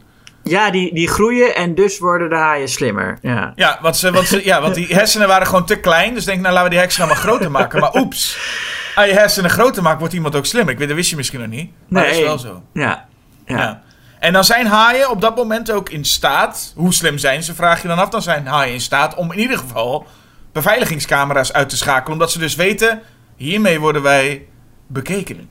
Ja, ze zijn niet alleen slim, ze snappen ook meteen wat een camera is. En, eh, en, ze, hebben, en ze maken een ontsnappingsplan. Nou, dat- ja, dat, dat denk je. Maar je gaat toch wel een paar dingen toch afvragen. Wat nou bij het plan hoort, ja of eh, nee. Eh, want ze bijten de arm van Stellan Skarsgård af. Eentje Ja. in ieder geval. Dat is, dat is dan plan... of ja, hoort dat bij het plan of is het gewoon omdat hij gewoon honger had? Dat weet ik niet. Maar Stellan Skarsgård wordt volgens met een traumahelikopter opgehaald. En in een orkaan wordt hij dan, eh, wat het dus een, het is noodweer, en hij wordt dan meegenomen met die, dan die helikopter. En dan hangt hij dus aan zo'n brancard, bungelt hij onderaan die helikopter. En dan zou je denken dat de haaien dit allemaal hebben zien aankomen. En dus, eh, dat een van die haaien, dat beeld had ik gewoon levendig voor me toen ik, ik heb de film gezien. Ik dacht, nu springt er een haai uit het water en grijpt eh, de brancard. Ja. Maar dat gebeurt dus helemaal niet. Uiteindelijk gaat dit hele plan, eh, of gebeur, gaat dit allemaal mis, omdat de helikopter het, eh, technische problemen heeft. En dus de, er is iets van storing bij de kabel. De kabel die zakt dan door en Stellan Skarsgård belandt in het water. Dus dat is geen onderdeel van het plan van de haai. Nee. Het enige wat ze dan denken is dat ze met z'n allen daar zwemmen. En denken van, god, wat kunnen we nu eens doen om hier eh, uit te breken? En dan zien ze ineens Stellan Skarsgård met brancard naar beneden vallen. En dat ze denken, nou, komt dat even goed uit? Ja, nee, haaien zijn heel goed in improviseren. Nou, zeker. Ze- En, en, nou, ja, en ze hebben waarschijnlijk heel veel geluk. Ja, dus zij ook. grijpen, eh, een van die haaien grijpt eh Stellan Skarsgård met, met brancard. En die smijten ze heel hard tegen het raam. Dat had je net nodig om, eh, om het raam te breken. Eén Stellan Skarsgård en een, en een brancard is genoeg met een beetje kracht.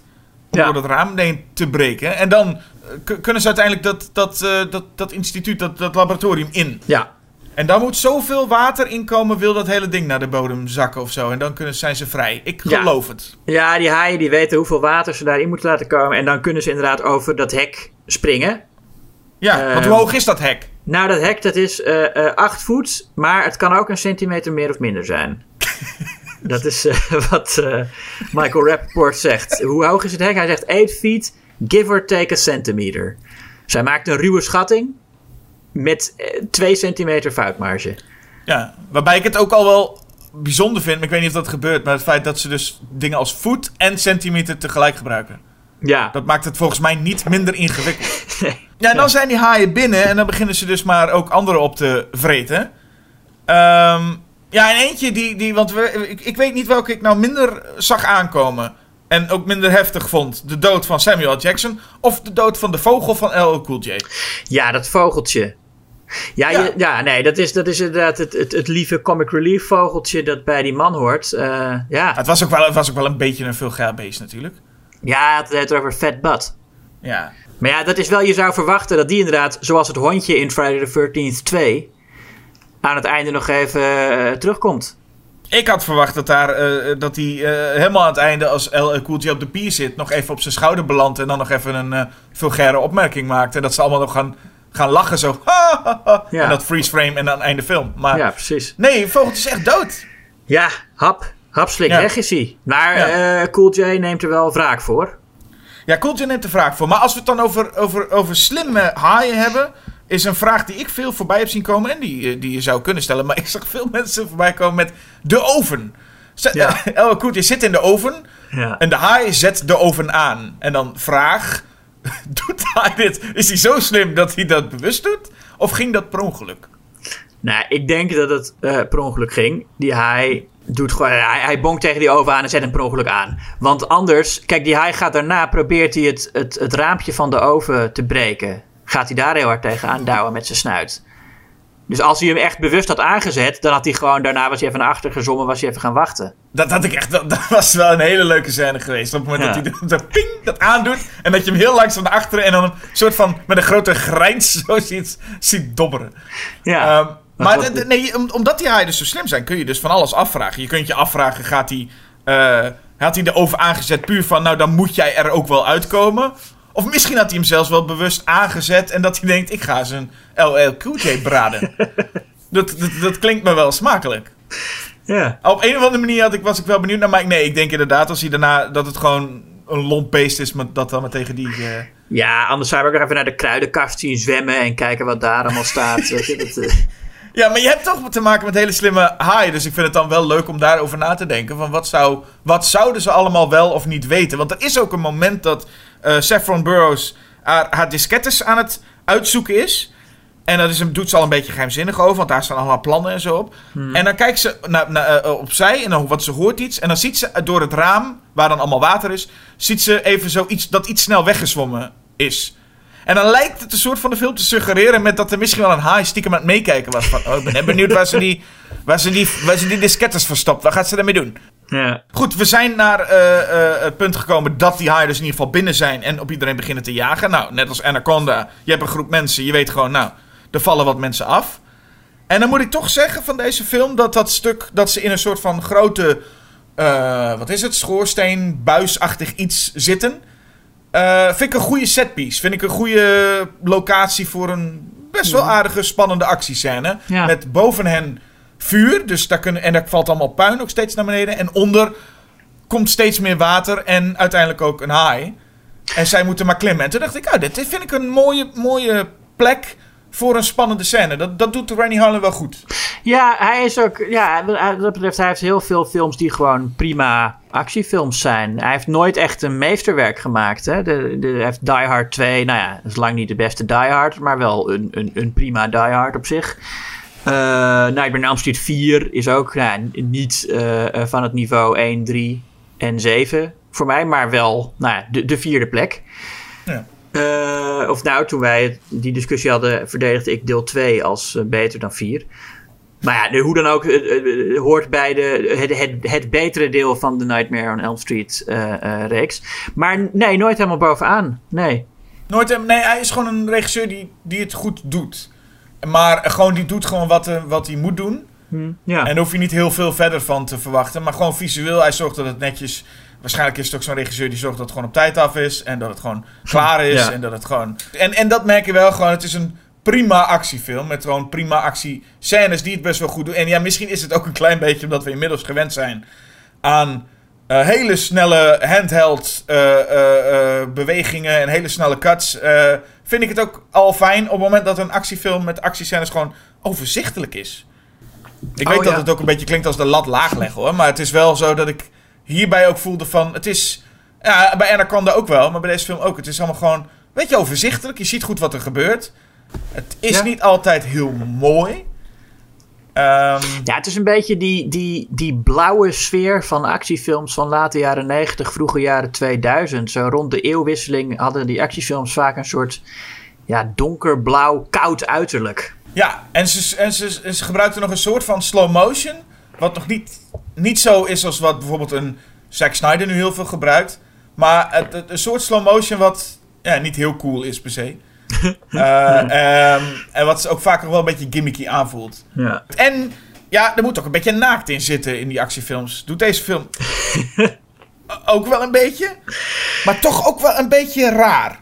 Ja, eh, ja, want Saffron Burrows inderdaad moet op een gegeven moment... Nou, is zij van plan een haai onder stroom te zetten... door dus het water onder stroom te zetten. En dan moet ze eerst, doet ze de wetsuit uit, want dat is dan rubber. En dat geleidt niet. Dus als ze erop gaat staan, dan eh, staat zij zelf niet onder stroom. Wat in principe eh, nergens op slaat, want ze staat al op een houten tafeltje. Dus dat dat helemaal niet nodig om, om dan ook nog extra rubber erbij te doen. Maar goed, dat is eh, het excuus om haar op dat moment in haar ondergoed te tonen. Ja, wat ik wel leuk vind is dat ik dus heel veel opmerkingen lees online van mensen die zich dus afvragen waarom ze dat doet. Dus die niet doorhebben dat dat inderdaad is omdat rubber niet geleidt. En ik vond het gewoon heel leuk om in te beelden. Wat als je inderdaad geen, totaal geen idee hebt waarom ze dat doet? Vind ik een heel mooie scène opleveren. gewoon dat je denkt, daar komt, daar komt eh Saffron Burrows en die denkt, oh, daar komt een haai aan. En dat je dan ineens je kleren uit gaat trekken. Ja, ik, ik, wil, ik wil die haai ga ik verleiden. Dat het nog, ja, precies, maar dat het nog willekeuriger voelt dan het eigenlijk voor ons ook al wel voelt. Ook als je weet wat, ze, Ja. wat haar plan is. Dat ze eigenlijk Wat- zoals, zoals Jennifer Lopez in eh, Anaconda John Voight gaat verleiden, zou zij met die haai willen doen. En dat LL Cool J En dat- dan van achter komt met een, met, een, met een golfstick. Ja. Dat zou nog best leuk zijn. Maar ik, nee, het is in dit geval puur om een soort van ja, Jaws 2 einde te creëren. Hè? Dat is eigenlijk Ja. hoe deze haai aan zijn einde gaat. Het is de tweede haai. Eh, en hij eh, gaat dood door dezelfde manier. Kijk, alleen Roy Schneider had aan het einde van Jaws 2 niet een bikini aan. Ja. Eh, maar verder was het inderdaad... Op die manier gaat deze haai ten onder. ja, dat is volgens mij ook expres. Hè? Dat ze de eerste haai als, als de eerste Jaws en de tweede haai als Jaws 2 en de derde haai als Jaws 3.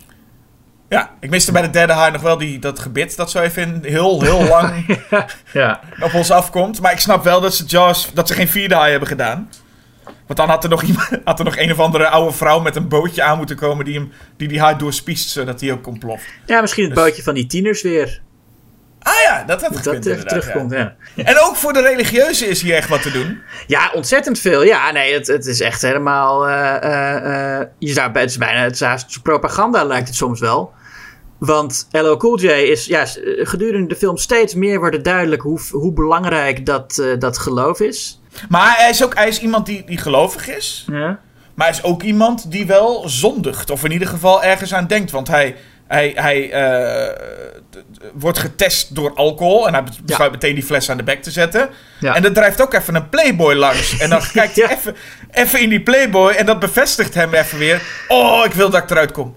Ik, wil, ik, wil, ik wil hier weg. Ja, wa- wat dat betreft, hij is net, al- het is een soort eh, The Exorcist eigenlijk voor hem. Hij, hij hervindt zijn geloof doordat hij de duivel ontmoet. Hij zegt ook op een gegeven moment letterlijk, die haaien zijn de duivel. En hij, hij verslaat een van die haaien ook door met, met, het, met het gigantische kruisbeeld dat hij om zijn nek draagt, die haai in zijn oog te steken. Dus het is voor hem echt, het is echt zijn, hij, hij hervindt zijn geloof en daardoor wint hij. En aan de andere kant heb je dus die mensen die ja, voor God willen spelen, zoals Stellan Skarsgård en Saffron Burrows, hè, die met, met, ja, met, met, met DNA-onderzoek bezig zijn. Het, je zou, het is eigenlijk een soort, een soort anti-stamcellenonderzoek eh, film, zou je, het kunnen, zou je het kunnen interpreteren. Ja, dat is, en dat is, net, dat is net The Exorcist inderdaad. Nou ja, dat, dat deelt dan weer niet. Maar, nee, maar wat, nee, wat betreft LL Cool J, ja, nee, het gaat echt over hoe hij zijn geloof hervindt. Ja, je omschrijft hier wel een goede double bill, vind ik hoor. The Exorcist en, eh, en Deep Blue Sea. Ja? Zou, dit ook, zou dat ook de reden zijn geweest waarom eh Rennie Harlan de baan kreeg voor Exorcist 4? Dat zou best eens kunnen. Jij, jij begrijpt waar die Exorcist over gaat. Ja. Ja, jij snapt het. Zeg maar, wat heb je in het verleden allemaal gedaan? Dat hij zegt, Deep Blue Sea. En dat hij dan, dat hij dan zegt, oh ja. Ja. Ja. Maar, in- maar in ieder geval, en dan wat, wat, wat, wat eh, ja, LL Cool J dan ook doet, is samen met, met, met de twee mensen die nog leven, Thomas Jen en Saffron Burrows, gaat hij bit rappen. ja. En dat vind ik ook mooi. En dat doen ze dan terwijl ondertussen het water stijgt. Maar dit is ook zo mooi dat, dat Rennie Harlan dit in ieder geval ook heel bloedserieus neemt. Hè? Want er is die sentimentele muziek die eronder komt. Ja, En dan ja. staat Ellen Cool daar te, te, te, te, te rappen.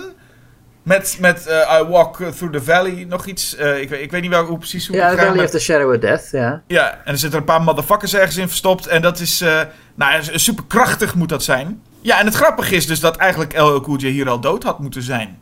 Of in ieder geval dood zou gaan. Ja. Ja, dat was oorspronkelijk het plan dat Saffron Burrows inderdaad zou overleven. En LL Cool J eh, niet. Maar toen heeft het testpubliek eh, vonden het toch... eh, ja, die, die zagen Saffron Burrows toch te veel als de schurk. Ja, Om haar dat einde te gunnen. Waarbij Ja. ze ook... waarbij ze ook het zou dan romantisch eindigen met haar en Thomas Jane. Was het idee. nou, nu kan het toch nog steeds romantisch eindigen met eh, Thomas Jen en LL Cool J. Ja, tuurlijk. Ja. Ja. Het is wel zo dat zij... Ik, ik het ook wel echt snap. Normaal heb je wel eens dat dingen in een testpubliek keuzes maakt. Dat je denkt, nou, jullie hebben de film echt niet begrepen. Maar ik snap hier best wel dat je Saffron Burrows ziet als een... Nou ja, niet als de persoon waarvan je nou hoopt dat zij wint. Ja, nee, niet, niet per se, nee. Want zij, het voelt wel alsof zij echt wel vrij verantwoordelijk is voor Ja, nee, dat, dat is ze natuurlijk. de, de, de dood van al deze mensen. En ja, en- en schijnbaar was LL Cool J ook gewoon een geliefd figuur. Was dat bij Halloween eh, H2O ook niet gewoon echt het geval? Dat mensen hem gewoon een leuk figuur vonden en dat ze dachten van nou, dan laten we hem maar leven? Was het niet zo dat ze hem wilden gebruiken voor het vervolg? Oh, dat zou ook zo kunnen, ja.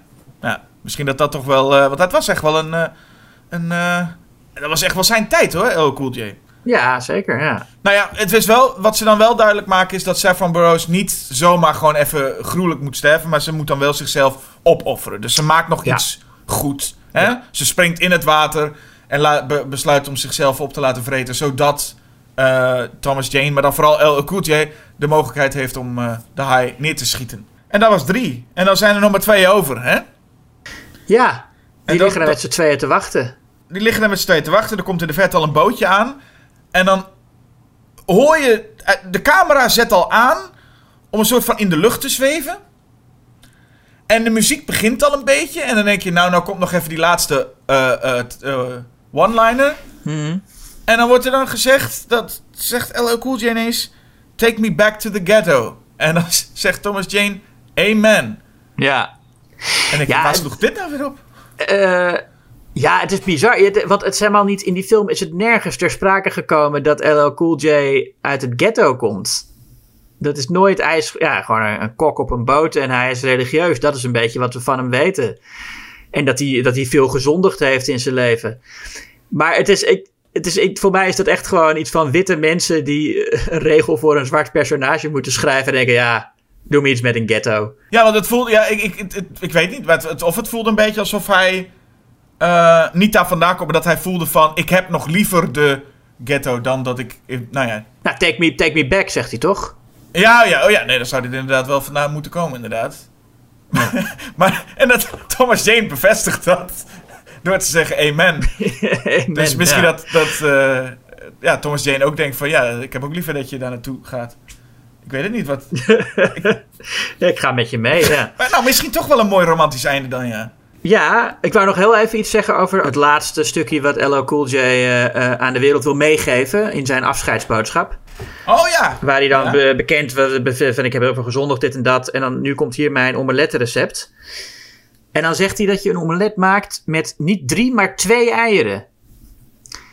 En eh, ja, ik snap niet zo goed waarom. Ik denk dat is natuurlijk afhankelijk van de grootte van je pan.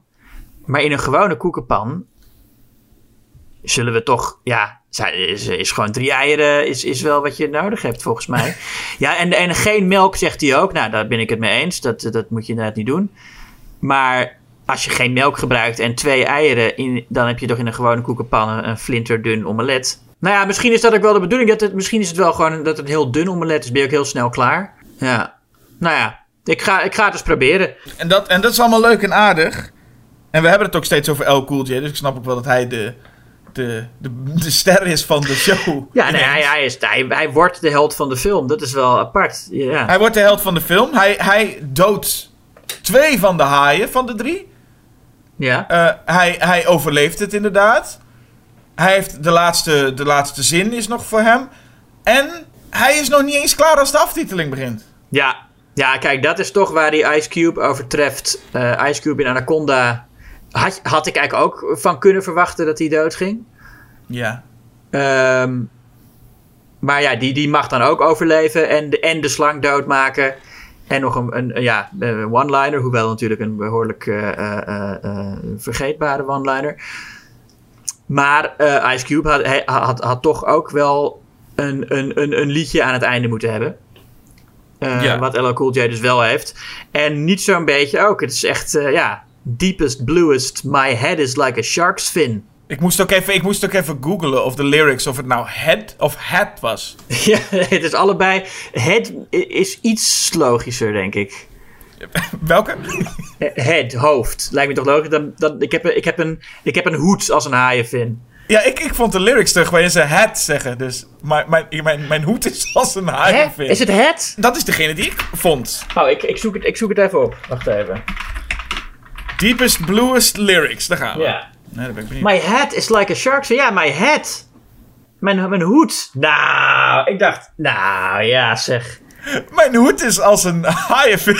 Maar dan bedoelt hij dan dat hij zeg maar op het strand kinderen laat schrikken met zo'n eh, met, met, met zo'n hoedje met een haaienvin die dan net boven de, het water uitkomt. Dat hij zo Ja, wat- mensen, wat die- mensen bang gaat maken op het strand. Wat die, twee, wat die twee kinderen in Jaws ook doen, hè? Ja, precies. Is dat, is Ja. dat waar hij het over heeft? Nou, nee, ik dacht dat hij zichzelf omschreef als een haai. En dat hij een soort van een Ja, nee, daar was. gaat het over. Nee, LL Cool J, ik weet niet wanneer hij dit nummer eh, heeft eh, geschreven.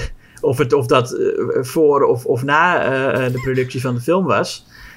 Ja, Maar hij lijkt, ik, ik, ik- hij lijkt te denken dat de film gaat over dat hij een haai is.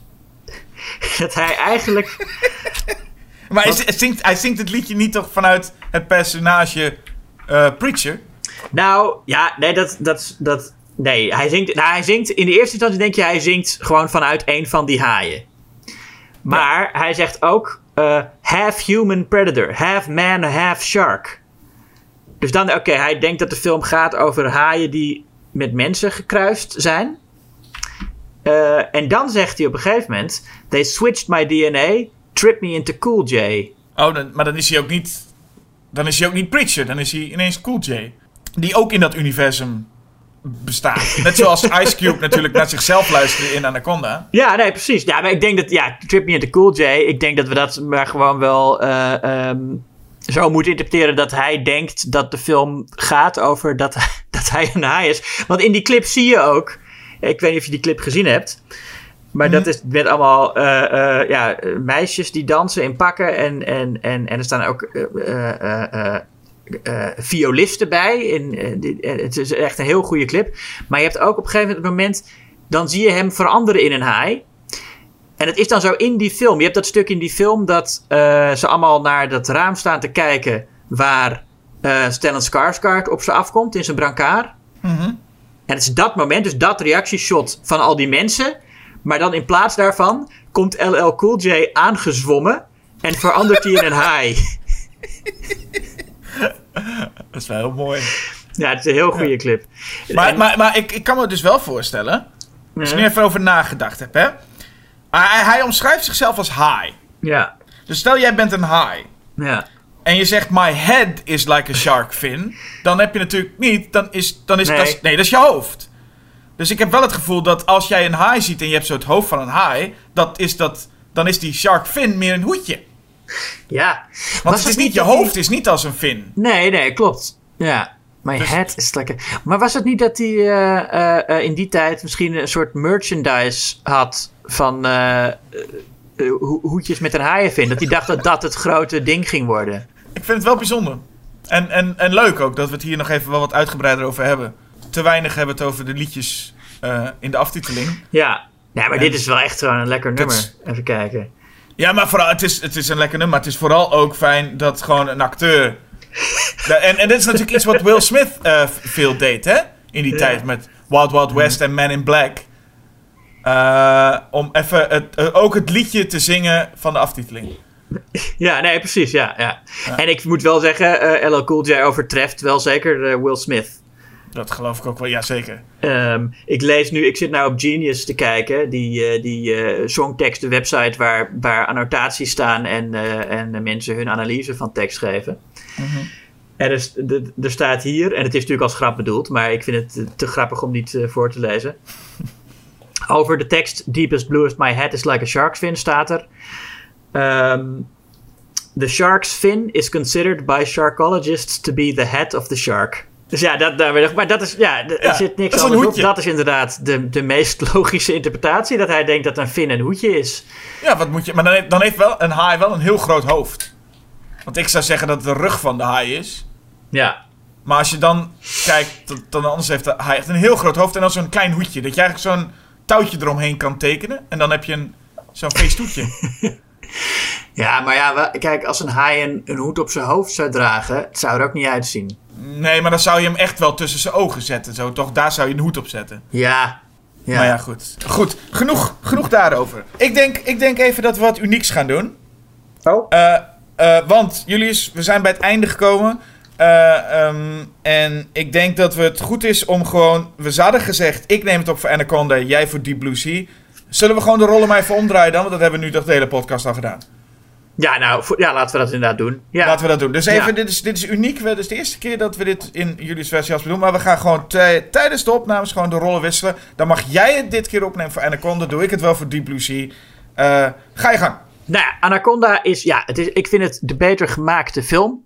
Hij is gewoon lekker kort, lekker vlot. Ik moet zeggen, in Deep Blue Sea, hoewel het natuurlijk eh, hartstikke leuk is allemaal, zitten ook wel momenten die, waar het een beetje te traag gaat en, en, en, en te lang duurt voor mij. Een, een- een uur en drie kwartier, ja, het is niet heel lang, maar ik vind het voor zo'n film als het ook onder de 90 minuten kan, dan moet je dat gewoon doen. Ehm, en Anaconda is daarnaast, ja, ik vind het gewoon echt. eh, er zitten eh, best wel oprecht spannende momenten in ook. Vind ik. Eh, ik vind ook een moment zoals het gezicht van Ellen, eh, eh, eh, van Owen Wilson in de buik van de slang.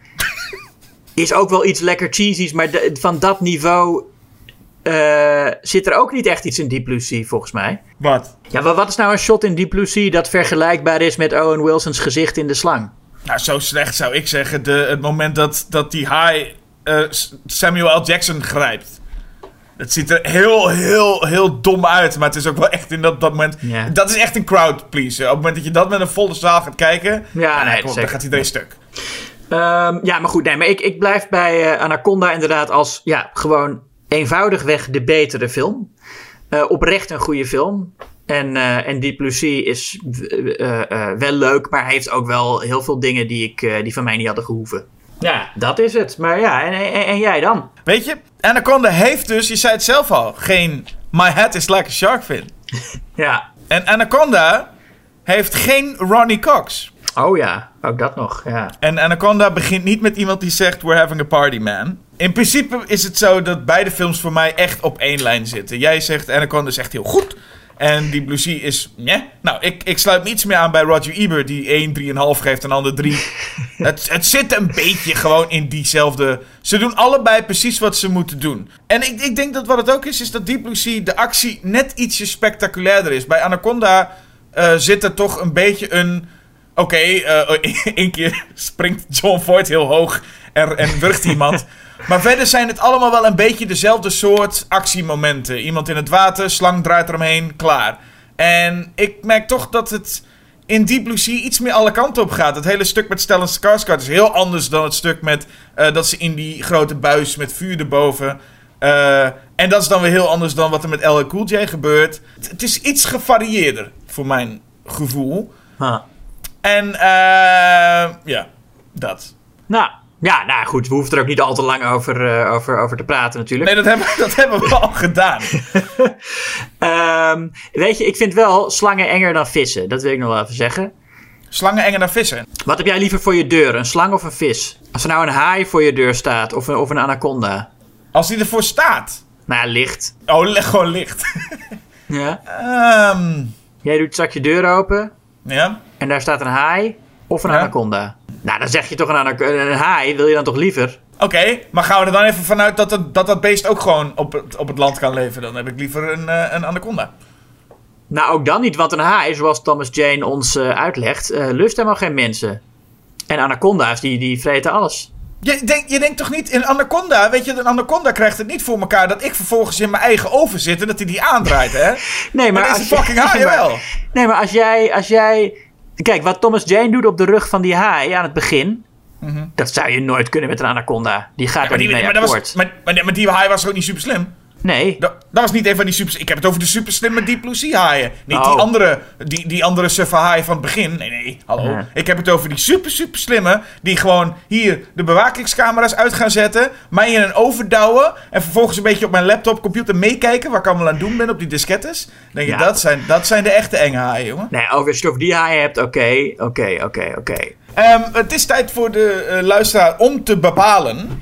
Ja, god, ja. ja. of ze voor Deep Blue Sea of voor Anaconda willen gaan. En ik snap dat dit echt een moeilijke keuze is, eh luisteraar. Want Julius kan wel zo zeggen dat Anaconda zo goed is.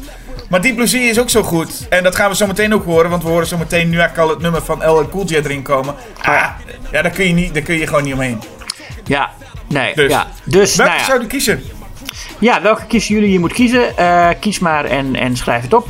En doe dan ook even dat je zo eh, je abonneert op de, op de podcast.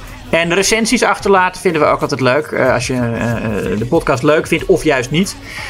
Maar liever als je het wel leuk vindt en dat je dan vijf sterren geeft en zo. Dat, dat helpt allemaal voor het verspreiden van de podcast. En dan moet ik ook nog even zeggen dat je een abonnement op ons tijdschrift kunt nemen. Schok het nieuws. Abonneer, lees op onze website ook al onze recensies. En dat, dan hebben we het wel een beetje gehad. Dan hebben we het wel een beetje gehad. En dan rest ons niets anders dan te zeggen dat wij ons voor de volgende aflevering niet meer met dieren bezig gaan houden, maar wel met mensen. Maar dan niet mensen die leven, maar ook niet mensen die dood zijn. Maar Jasper, bedoel je dat ze ondood zijn? Dat zou maar zo kunnen. En dan is misschien wel de vraag: wat zou je liever hebben? Night of the Living Dead of Day of the Dead? Oeh, nou, doe mij dan maar eh, de nacht. Want eh, dan, kun je, dan is het tenminste donker. Ja, daar zit wel wat in. Dan eh, ga ik voor de dag. En dan zeg ik bij deze ook: dag. Dag. Deepest blue is my head is like a shark's fin. Deepest blue is my head is like a shark's fin. Deepest blue is my head is like a shark's Is it just me, or does the jungle make you really, really horny?